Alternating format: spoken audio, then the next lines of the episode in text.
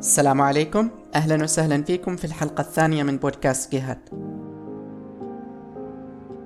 لكل واحد منا رحلة في هذه الحياة يسعى خلالها لتحقيق طموحاته وأهدافه المختلفة ومع كل خطوة يخطوها قد يواجه متاهة من العقبات اللي تعيق تقدمه. قد يتعثر في كثير من الأحيان بسبب حجارة اليأس اللي موجودة على جنبات الطريق. طبعا كل شخص يواجه عقبات مختلفة عن العقبات اللي يواجهها الآخر. وهنا تختلف طريقة التعامل مع هذه العقبات من شخص إلى آخر. ويبقى الحكم هو الكيفية اللي يسعى خلالها الشخص لمواجهة هذه الصعاب والقضاء عليها. توكل على الله يخفف أعباء هذه الحياة ويزيح عنك الهم والحزن لذلك لما تقدم لعمل أي شيء مهما كان حجمه دائما وأبدا وكل أمرك لله عشان تتمكن من تجاوز كل التحديات اللي ممكن إنها تواجهك بسلام وأمان.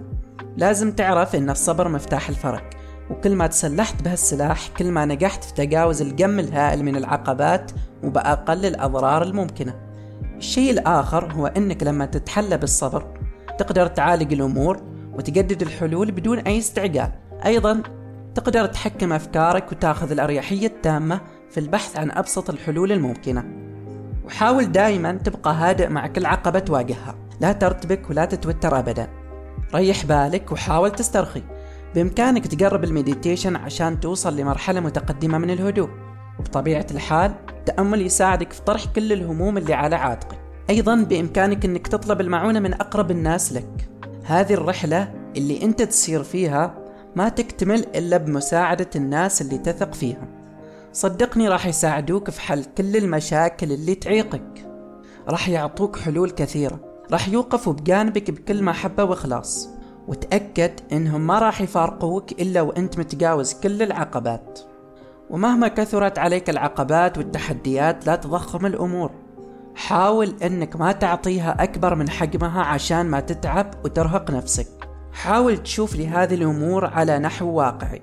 وفكر بطريقة منطقية عشان تبحث عن الحلول. هالشي بحد ذاته راح يساعدك على تخطي أكثر التحديات صعوبة ويوصلك لستيج متقدم من السلام النفسي. اعتنق التفكير الإيجابي واعتبره منهج تتبعه في حياتك. هالشي راح يعلمك كيف تستغل الفرص الأخرى اللي متاحة أمامك وكيف تتعلم من أخطائك وتجاربك السابقة. بصريح العبارة الفكر الإيجابي يساعدك على النظر لنصف الكوب المبتلى.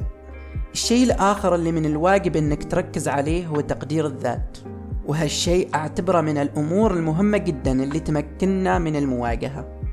حاول أنك ما تقارن نفسك بالآخرين أبدا. أنت لك قيمة ووجودك في هالحياة له قيمة. خلك مؤمن بنفسك.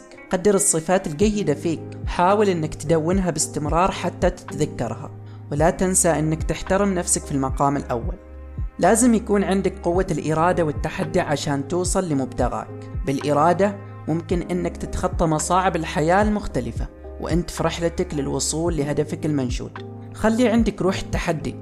حاول تتحدى نفسك بعد كل شيء تحققه. حاول تطمح للشيء الأكبر من اللي حققته عشان يكون عندك دافع أنك تواصل المسير للأمام. طبيعة الحال العقبات جزء لا يتجزأ من رحلاتنا الحياتية اليومية. بدونها ما راح يكون هناك شيء اسمه إرادة وعزيمة وإصرار. دائما هالعقبات اللي تكون بمثابة الصفعة لنا هي اللي تعلمنا كيف نعيد الكرة مرة ثانية ونحاول من جديد. تعلمنا إن عشان تنجز لازم تتعب ولازم يكون في قسر بينك وبين طموحاتك اللي تريد تحققها.